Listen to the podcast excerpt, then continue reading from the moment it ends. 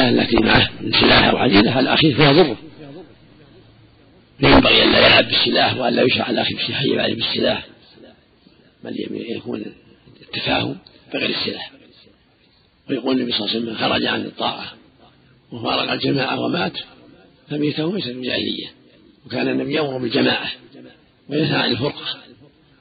فالواجب على المسلمين التمسك بالجماعة والتباعد عن الفرقة والحذر من أسبابها.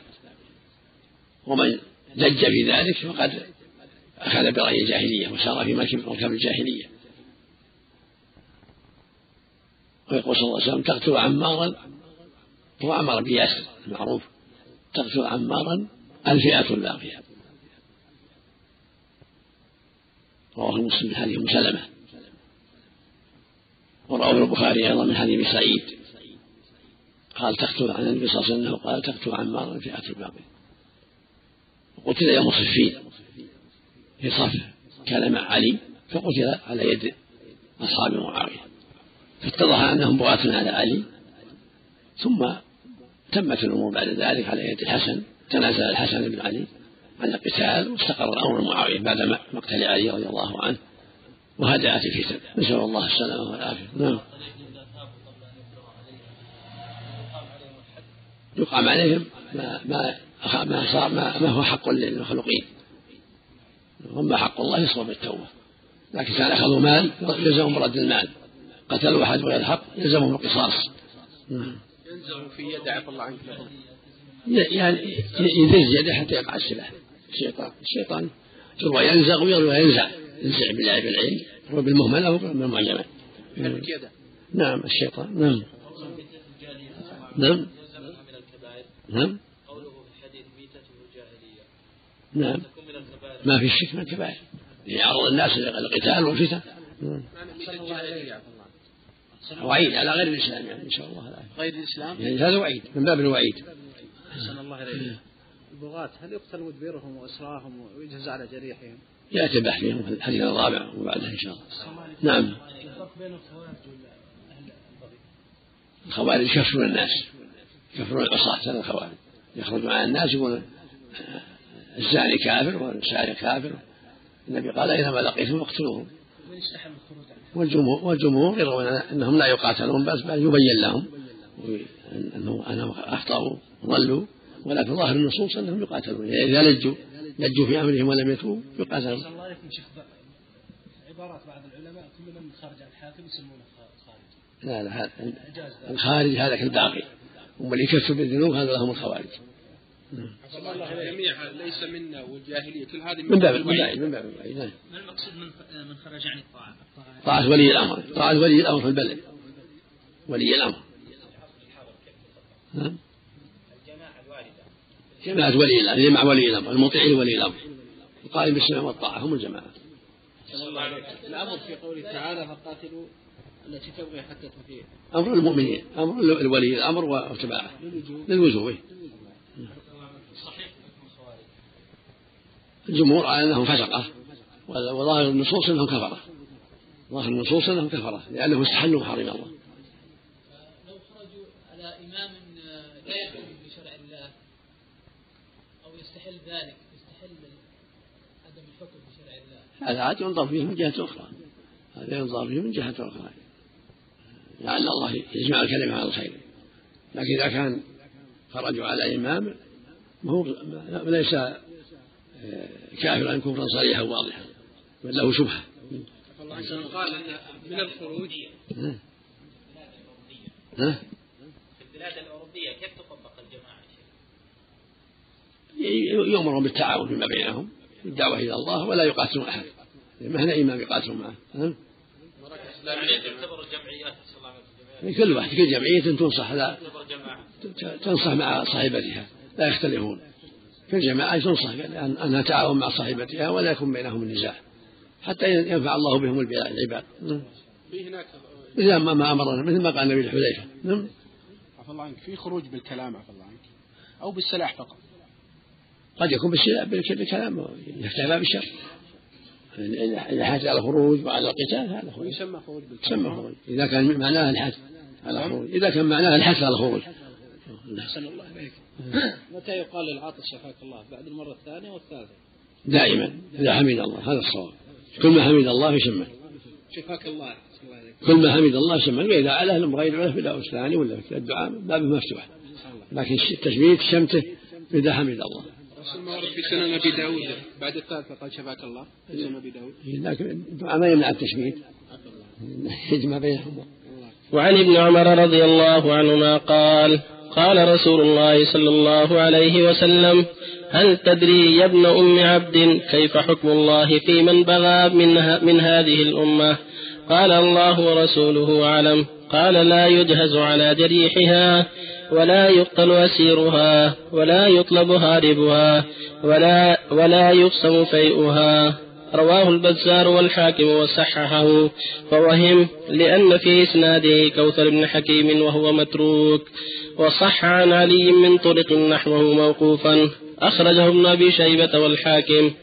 وعن عرفجة بن شريح رضي الله عنه قال سمعت رسول الله صلى الله عليه وسلم يقول من أتاكم وأمركم جميع يريد أن يفرق جماعتكم فاقتلوه أخرجه مسلم. صلى الله وسلم على رسول الله وعلى آله وأصحابه ومن اهتدى أما بعد هذا الحديث حديث عبد الله بن عمر في البغاة أنه لا يقتل جريحهم لا يجاز على جريحهم ولا يقتل أسيرهم ولا يطلب هاربهم ولا يقسم فيئهم الحديث كما قال المؤلف ضعيف ولكن معناه صحيح كما عمل بذلك علي رضي الله عنه لما بغى عليه أهل الشام. فهم يدافعون كما تقدم. البغاة هم الذين يخرجون لهم شوكة وبنعة ولهم شبهة فيراسلهم الإمام يعظهم ويذكرهم ويوضح لهم شبهتهم ويزيل مظلمتهم كان لهم مظلمة حتى تهدى الأمور فإن أجدى ذلك ونفع فيهم وإلا قاتلهم. لأن الله يقول وإن طائفتان من المقتتل فأصلحوا بينهما فإن بغت إحداهما فقاتلوا التي تقل حتى تفيء إلى أمر الله. ولهذا لما اعتدى أهل الشام على علي رضي الله قاتلهم. وجرى بينهم ما جرى يوم صفين. وهكذا مع أهل الجمل كل هذا عملا بهذه الآية. فهم يقاتلون لكف شرهم والقضاء على عدوانهم فإن تركوا القتال وكفوا تركوا وإن صمموا على القتال قتلوا. ومن قتل سقط منه في القتال لا لا ضمان له وما تلف من الأموال في القتال لا ضمان له. ومن سلم فلا يجهز على جريحهم ولا يقتل أسيرهم ولا يقسم فيهم كالكفار لا. ولكن ترد أموالهم إليهم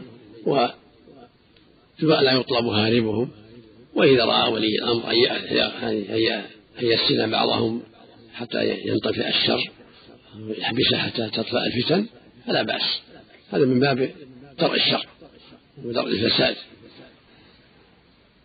ولهذا في الحديث الثاني يقول صلى الله عليه وسلم إذا بويع لخليفتين من أتاكم وأمركم الجميع يريد أن يفرق جماعتهم فاقتلوه. في مسلم من أتاكم وأمركم الجميع على رجل واحد. يريد أن يفرق جماعتكم فاقتلوه. في اللفظ الآخر ويشق عصاكم فاقتلوه. في اللفظ الآخر إذا بويع لخليفتين فاقتلوا الآخر منهما أخرجه مسلم. لأن الآخر هو اللي يريد الفتنة وتفريق العصا وتفريق الكلمة. فيقتل. يكون باغي. وهذا هو الذي عمله أمير المؤمنين علي رضي الله عنه وأرضاه وعملته الدولة لما خرج عليها بعض الناس من البادية عملته معهم في يوم عام السبلة وعام الدبدبة كلهم كلهم من هذا الباب من باب البغي. نسأل الله السلامة والعافية. نعم. هل تقام عليهم الحدود فيما لو سرقوا من أهل العدل أو قطعوا الطريق عليهم؟ نعم. تقام عليهم الحدود ويعملون معاملة قطاع الطريق إذا قطعوا الطريق. نعم نسأل الله العافية. نعم. الله عنك. الأخ يعطى من الزكاة. إذا كان فقير نعم. الأخ والعم والخال إذا كانوا في جهة مستقلة مو في حب ليسوا في نفقته ليسوا في بيته مستقلين. وهذه قاعدة الذي يجب عليك نفقته لا لا يعطى لكن ينفق عليه ولا يعطيه. لكن أصله وفرعه لا يعطيه مطلقا وطول آبائه وأجداده وفروع أولاده وأولاد أوليه وأولاد بنات لا يعطون لأن تجب عليه نفقتهم والله قلت في درس الخميس في حديث آه، في السبعة الذين يظلهم الله يوم لا ظل إلا ظله أن الظل الله أعلم بك على ظاهره. ما ورد عفى الله عنك أنه ظلش عند جهل وهذا. جهل وهذا. العرش ظله الصحيح ظله. لا يعلم كيفيته إلا هو سبحانه وتعالى. وهذا ما يفسر هذا هذا هذا وهذا. سم؟ هنا ظل العرش وهنا ظله جل وعلا. أحسن ظلين. أحسن عليك حديث ابن عمر. رب عز وجل. يليق به ظل يليق به أحسن الله. عنك. ابن عمر معناته صحيحة؟ نعم معنى صحيح. مع البغاة. السبعين السبعين يدخلون الجنة بدون حساب. لو أنه ابتغى وارتقى ثم أطاع الله ورسوله هل هذا يعني ما يضر ما يمنع. ما يمنع؟ ما يمنع لا ما يمنع. من استقام على دين الله فهو من أهل الجنة. لكن هل يدخل الجنة بدون حساب؟ الله؟ نعم إذا سلم من السيئة دخل الجنة بغير حساب. ولو ابتغى ولو ارتقى نعم. صلى الله حديث لا يسأل وجه الله إلا الجنة. ضعيف لا قال أنه ما صحة الحديث ما صحة في الحديث. بعض الله. نعم. صحة الحديث آه، لما سئل رسول الله أين كان الله؟ قال في عمى. فيه فيه ضعف ليلة فيه ضعف. من أعمال السحاب. نعم. هل صح عن الرسول كشف الرأس عندما نزل المطر؟ نعم. رواه مسلم في الصحيح. كشف الرأس. لا يحسر حسر ثوبه عند الرأس أو أو يده. يقول قال أنس يقول أنس رضي الله عنه كان كنا مع النبي صلى الله عليه وسلم كان إذا أصابه المطر حسر ثوبه حتى يصيبه المطر. ظاهر يحسر ثوبه عن منكبه لأن في الغالب الثوب يعني على المنكب اللي على الرأس سمى العمامة. والحسر ثوبه ظاهر أنها الرداء يعني. هذا يعني كشف الرأس يعني ما وإن كان رأسه فلا بأس. لكن قال ظاهر أنس ولثوبه يقتضي أن الرداء لأن لو لو كان الإمامة قالت كشف إمامته أحسن الله عنك. ما ورد أبدا الرأس. ما ما شيء. يعني يخلع الثوب صلى الله عليه لا يعني يزيد قليل عنه يكشف عن عاتقه حتى يصير المطر هذا هو يفسر عن ساعدة يعني لو يصلي على أحد منكبيه على الله يجزاك الله. آه، غير الحديث. الترغيب والترهيب الترغيب والترهيب إذا كان في حاجة صحيحة. إنما الحديث الضعيف يستأنس به في الترغيب والترهيب إذا كانت الأصل إذا كان الأصل صحيح ثابت. مثل أحاديث في فضل الصلاة فضل الصيام التطوع. هذا في حديث صحيحة تغني عنه. لكن إذا ما عرفوا كذلك من جهة أهل العلم المقصود يقول أن الله غنى الناس بالصحيح عن الضعيف ما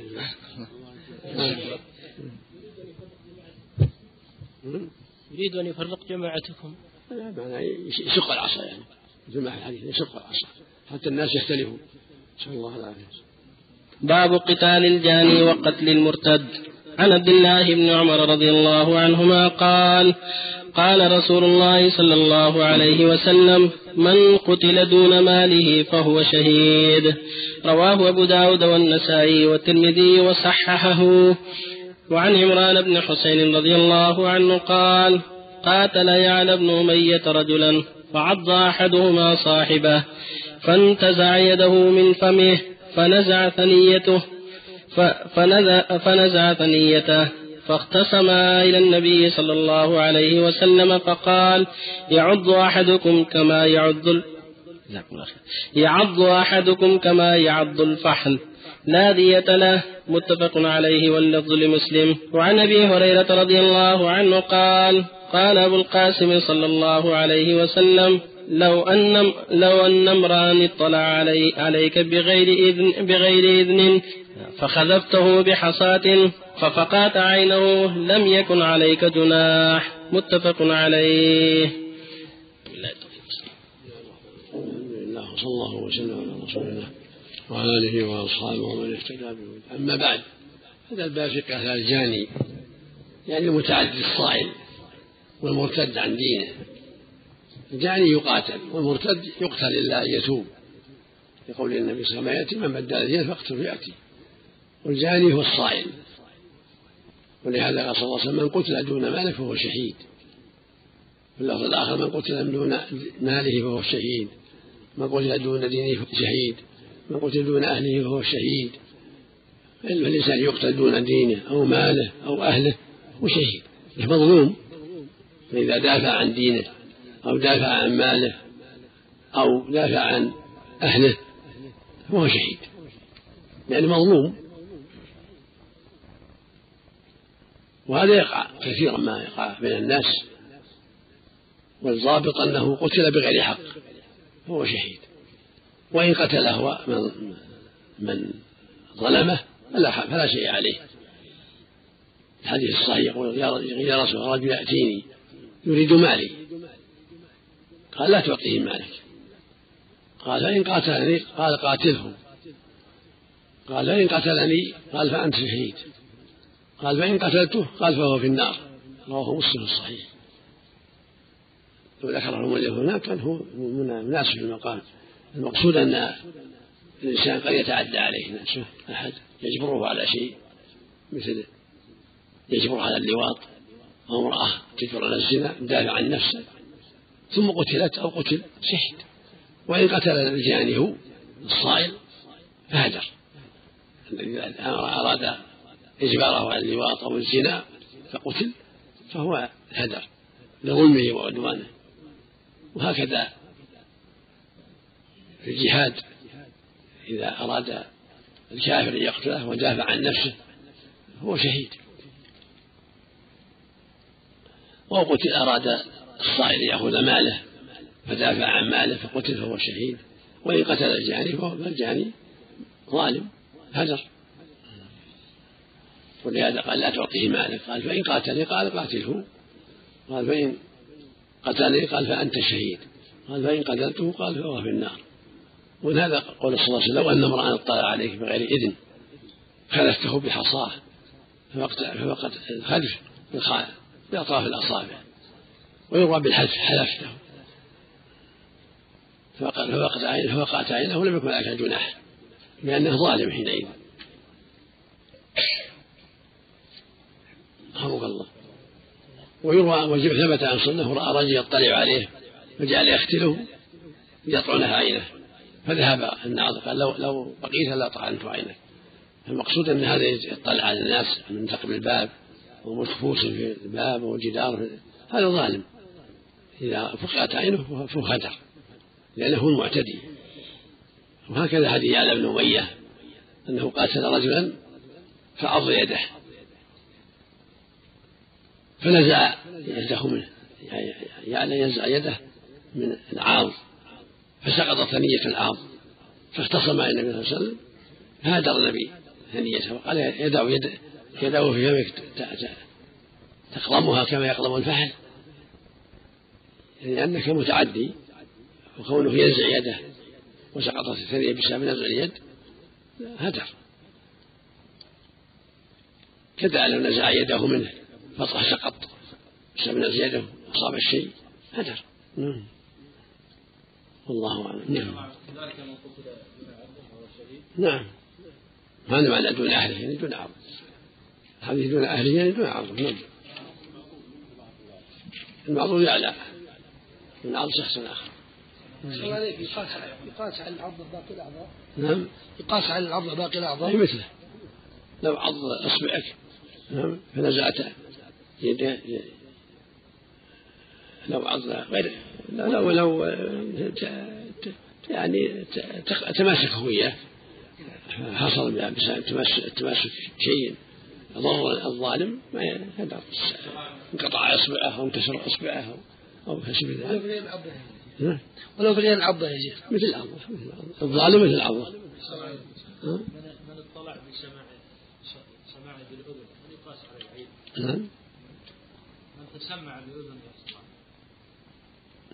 حديث الصائم السماع لقوم حدهم لو كارهوا صب في اذنه لانك يوم القيامة. الرصاص نسأل الله هل يطعن في أذن ظاهر ظاهر الحديث من باب اولى العين أشد. نسأل الله العافية. الله إليك لو كان العاض هو المظلوم لو كان العاض هو المظلوم أحسن الله إليك. يعني بينتقم من العرض ضربه إيه. ظاهر الحديث ولو لأنه يسقط ياخذ حقه بدون بدون العرض بالقصاص بالحكم بالمحاكمة. ياخذ حقه بغير العرض. صلى الله عليه وسلم حديث عبد الله بن عمر يا شيخ الأول. في نسخة شيخ عبد الله بن عمر. ورجعت المصادر هو عبد الله بن عمر يا شيخ. الحديث الأول من قتل دون مال يحتمل. كلاهما خير. عليه رضي الله عنه. يراجع. سواء عمرو ولا عمر كلها نعم. ابن طيب. من مات على خطأ. من مات على خطأ. نعم من مات على خطأ. هو شيء. إيش؟ من مات على خطأ. خطأ ولا خطر؟ خطأ خطأ. بالخط إيه. يعني مثل صدم في جدار خطأ ولا نعم. يرجع له إن شاء الله يرجع له اللي قبل الحوادث السيارات يرجع لهم إن شاء الله. نعم. المقصود بالشهادة ها؟ المقصود بالشهادة. أجر الشهادة أجر الشهادة. ولا يغسل ويصلى عليه. له أجر الشهادة.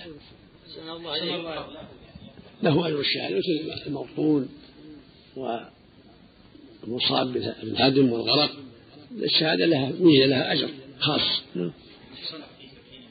الله أعلم. هذا يحتاج إلى صحة الخبر. أحسن الله عليك. سمعتك تقول في نور على الدار حفظك الله أن حوادث السيارة تعتبر عقوبة. وما أصابكم مصيبة. فبما كسب لكن ما يمنع كونها الله. نعم. الشهيد الله الذي لا يغسل. شهيد معركة بس خاصة شهيد معركة خاصة. اللي مات في المعركة. السلام عليكم. هذه بعض الأسئلة. ها؟